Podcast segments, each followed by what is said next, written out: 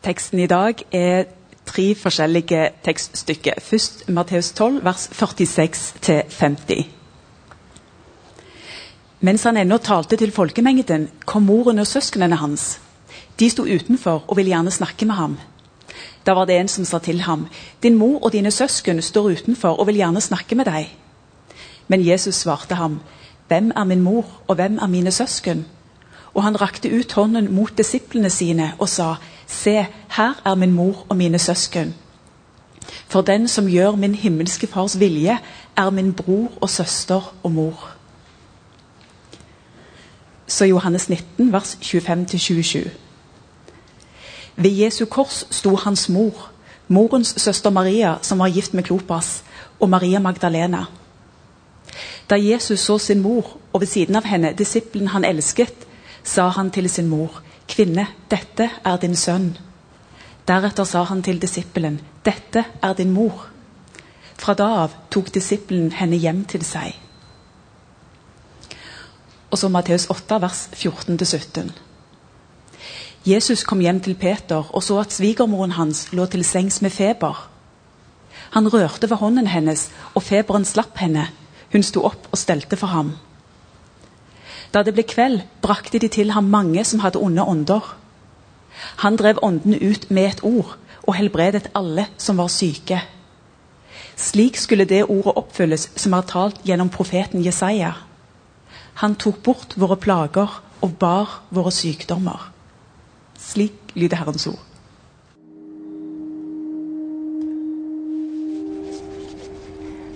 I can tell something's bothering you, but you're not. You know, it's not that time. And Please, don't talk to me about things like that, Well, Simon. what can I talk to you about? Look, I know I make a lot of mistakes, so if it's my fault, I will apologize. But I have to know what I've done first. Maybe it's what you haven't done, Simon. I'm going to go for a walk. There, that's a start. What haven't I done? I'll I'll do it three I times don't want over. to be the one to have to tell you if you know me. Good evening. Evening. Just evening? Not good? Uh, you might say that. Have you all eaten dinner? What can I get you to drink?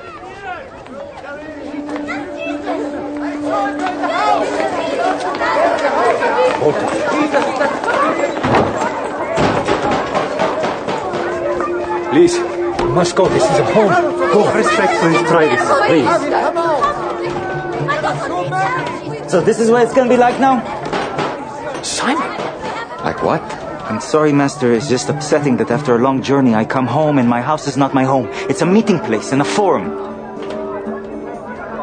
A house cannot have many functions? No. Brother! Let him go. Simon has a few things he has to work out himself.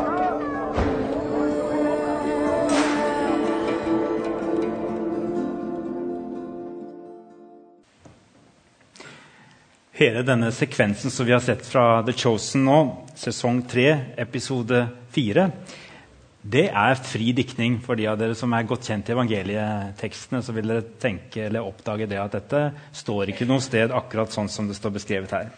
Så kanskje noen av dere kan mene at det er litt rart at vi velger å trekke fram eh, denne sekvensen og lage et tema av det. For det fins jo mange flotte temaer å hente opp fra denne sesongen i The Chosen. I det hele tatt, Hvorfor ta fatt i dette familiedramaet mellom apostelen Peter og hans kone, som vi egentlig ikke vet noe om? Vi vet bare at han var gift. Vi har hørt den teksten som på en måte er det eneste tegnet på at Peter var gift. Men ellers vet vi ingenting om ektefellen. Hun som her i The Chosen kalles for Eden. Hvorfor tar vi det likevel fram? Jo, det er fordi det å ha en biologisk familie, og kanskje særlig det å være gift, det har alltid spilt en rolle gjennom hele kirkas historie for de som ønsker å følge Jesus. Det har påvirkning på livet vårt at vi har en familie.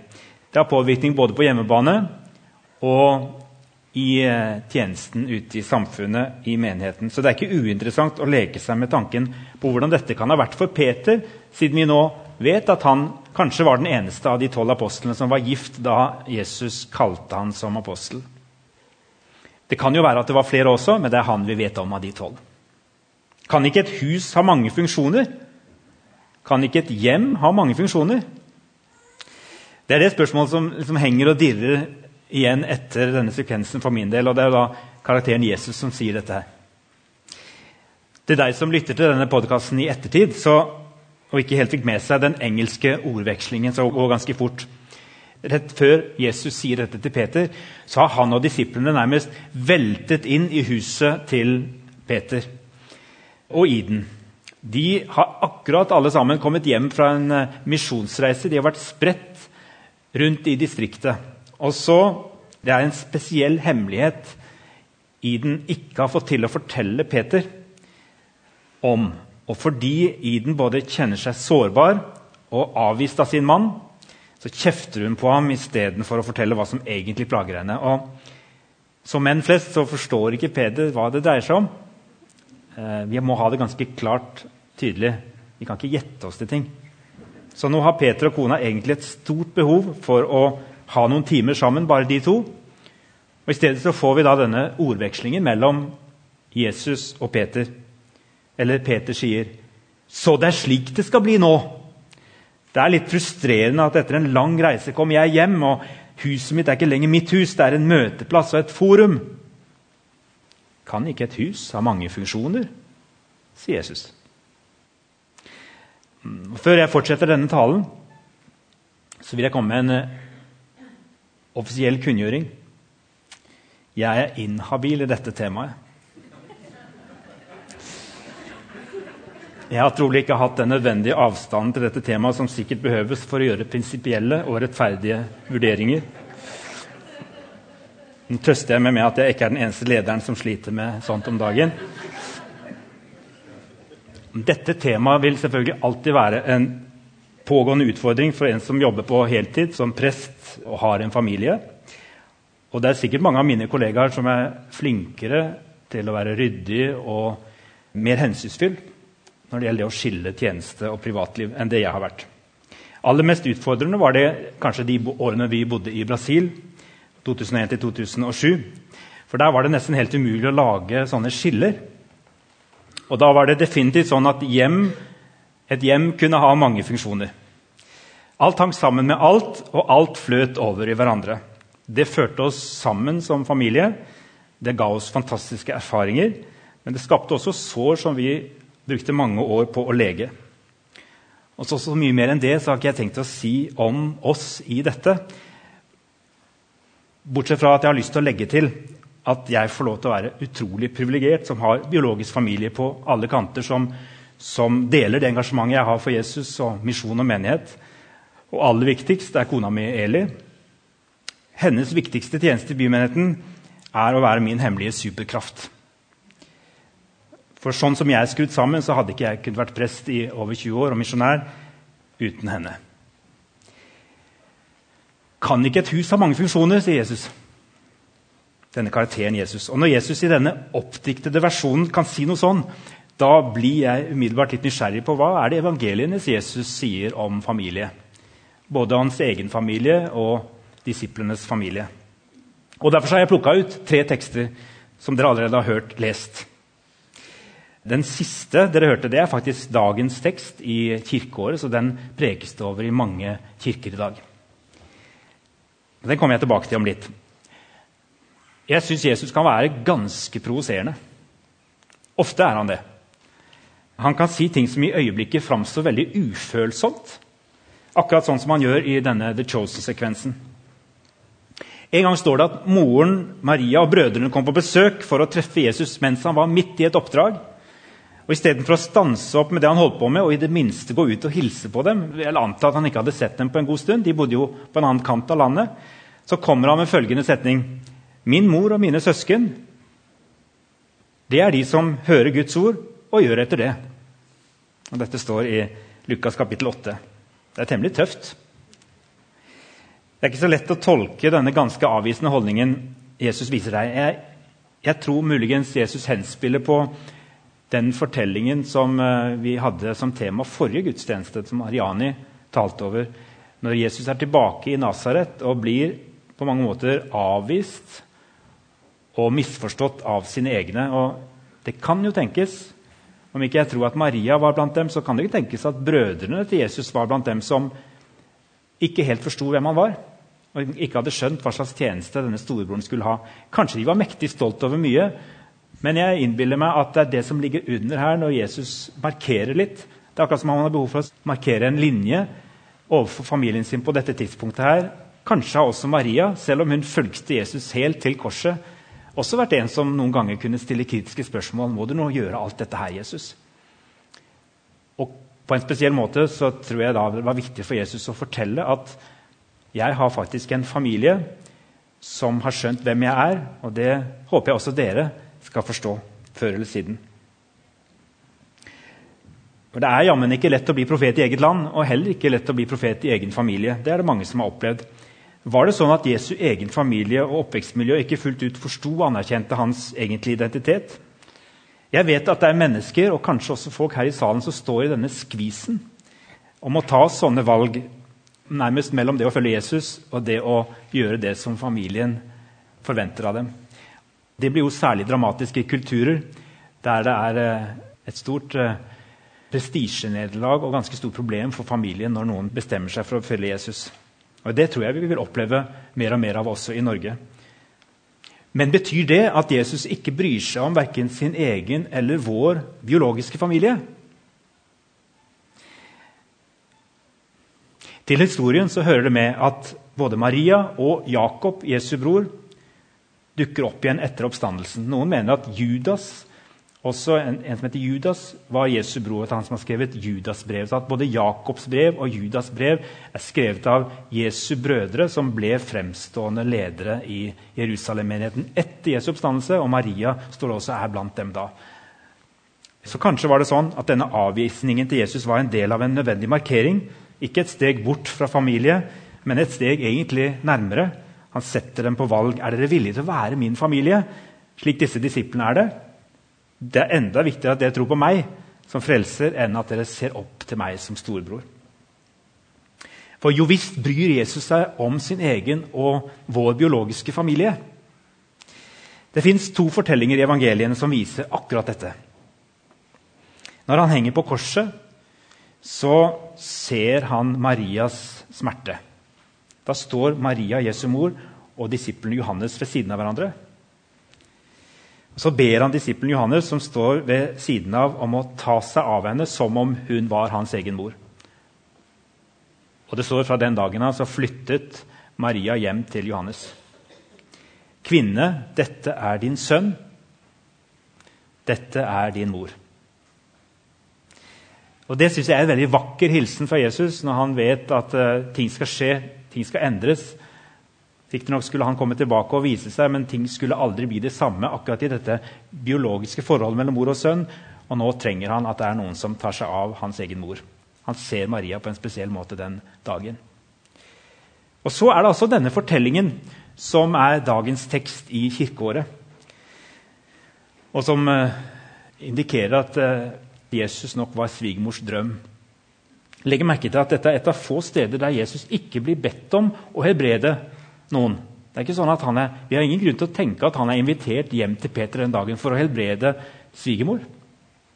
For Det står bare at han så at svigermoren lå til sengs med feber, og så på eget initiativ så rørte han ved henne slik at feberen slapp taket. Jeg har alltid tenkt på dette sånn at uh, Peter er så beæret, nesten litt sånn fortumlet over at Jesus har kommet hjem i huset hans at jeg tror han ikke engang har rukket å tenke over at mesteren skal bruke krefter på svigermors feber. Det er sånn jeg tenker. Jeg kjenner meg nemlig litt igjen i en sånn tanke som prest. Jeg må tilstå det. For ofte så kan det være sånn at jeg tenker at Jesus er med meg på jobben eller der ute. og Kanskje er det andre som har det sånn òg. At Jesus er på en måte en del av tjenesten. som vi, vi trenger ham på en måte i et eller annet. Enten vi jobber i heltidstjeneste eller vi opplever bare at Jesus er veldig viktig der ute i livet vårt. Og så ber vi han gjerne om å være med, og vi ber for folk rundt oss, og vi ber om at han skal helbrede og vise seg med sin kraft. Og så glemmer vi av og til oss selv. Jeg kan av og til ha glemt å invitere han inn i vanskelighetene i mitt eget hjem. Men Jesus gjør i stedet et nummer ut av å vise svigermor oppriktig omsorg og oppmerksomhet. Jeg tenker på det som en vakker hilsen til Peter og hans familie. Dere skal ikke bare ofre, men dere skal også bli velsignet av at Peter har viet livet sitt til å være med meg i tjeneste og følge meg rundt forbi. Det skal gjøre en positiv forskjell at jeg er en del av deres familieliv. Jeg ser dere også. Jeg ser ikke bare Peter. Altså, Jesus er ikke alltid så lett å lese, og han kan være litt uforutsigbar. Han kan fremstå krevende òg til sine tider. Jeg syns det bare gjør Jesus enda mer interessant. Da blir jeg så opptatt av å finne ut hva er det når han sier sånne ting som jeg føler på en måte blir litt sånn Wow, hva var det for noe? liksom? Da tenker jeg her er det noe. Her må vi grave litt. Jeg blir nysgjerrig. Og jeg forstår at det fortsatt er dybder i Jesus som jeg ikke helt har forstått. Som da han avviste sin mor og sine søsken ganske så brutalt. Jeg tror også da han hadde han en dypere hensikt. Og kanskje handlet det i det tilfellet om at hans drøm for alle mennesker det er at vi skal bli kjent med ham og bli en del av den mangfoldige gudsrike familien. Det er, på en måte, det er en drøm han har for absolutt alle. Og da er det en familie der Gud ikke har noen favoritter blant oss, men der han elsker oss alle like mye, uansett hva slags familierelasjoner vi står i. Og Noen ganger så kan han derfor utfordre sine aller nærmeste. Lever dere nå slik at dere beveger dere i retning meg eller bort fra meg? Det er et sånn ransakende spørsmål til oss alle i våre relasjoner. Er det sånn at vi med vår familiesituasjon, med de eh, utfordringer og gleder og vanskeligheter det er i vår familie, er det sånn at vi lever sånn at vi beveger oss nærmere Jesus? Med alt vi er og gjør, eller beveger vi oss lenger vekk fra Jesus? På samme måten er det ingen tvil om at Jesus har omsorg for din og min biologiske familie. Han ville ikke at moren Maria skulle være alene, og han tok ikke lett på at Peters svigermor hadde feber. For meg er Jesu handlemåte i søndagens tekst en kraftig påminnelse. Jeg skal ikke gjemme bort det som er vondt, det som er vanskelig i mitt eget hus for Jesus. Jeg skal våge å åpne de rommene som også handler om sykdom og smerte. Og jeg behøver ikke å lage en fasade der vi alle står på pinne for kongen når han liksom kommer på besøk og skal framføre et slags sånn vellykkethetsspill.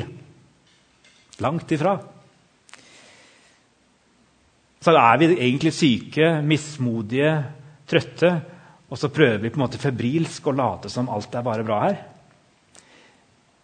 Og så disker vi opp og lager et flott måltid, for nå er Jesus her. Det er kanskje ikke så lett å, å, tenke at det er på den måten vi tenker om Jesus og relasjonen til ham, men for noen så tror jeg vi har et litt, sånn, litt for ærbødig forhold til Jesus. Så hvis han i, i det hele tatt kommer inn i hjemmet vårt, og ikke bare er her i kirka, som vi møter han her, men vi tar han inn i hjemmet vårt, åpner vi opp alt. Inviterer vi han inn. Jesus han sier et hus kan ha mange funksjoner. Ja visst er det et sted som skal tjene og ære meg. Jeg ønsker at dere skal ha meg som første prioritet i livet deres.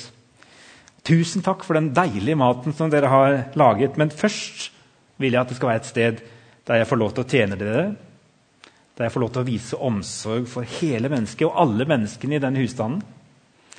Jeg er kommet for å ta bort deres plager. Jeg er kommet for å bære deres sykdommer. Så hva trenger du å be om at eh, Jesus gjør for din familie akkurat nå? Jeg har lyst til at du skal bare være litt stille og stille deg selv det spørsmålet. Og så ber du til Jesus.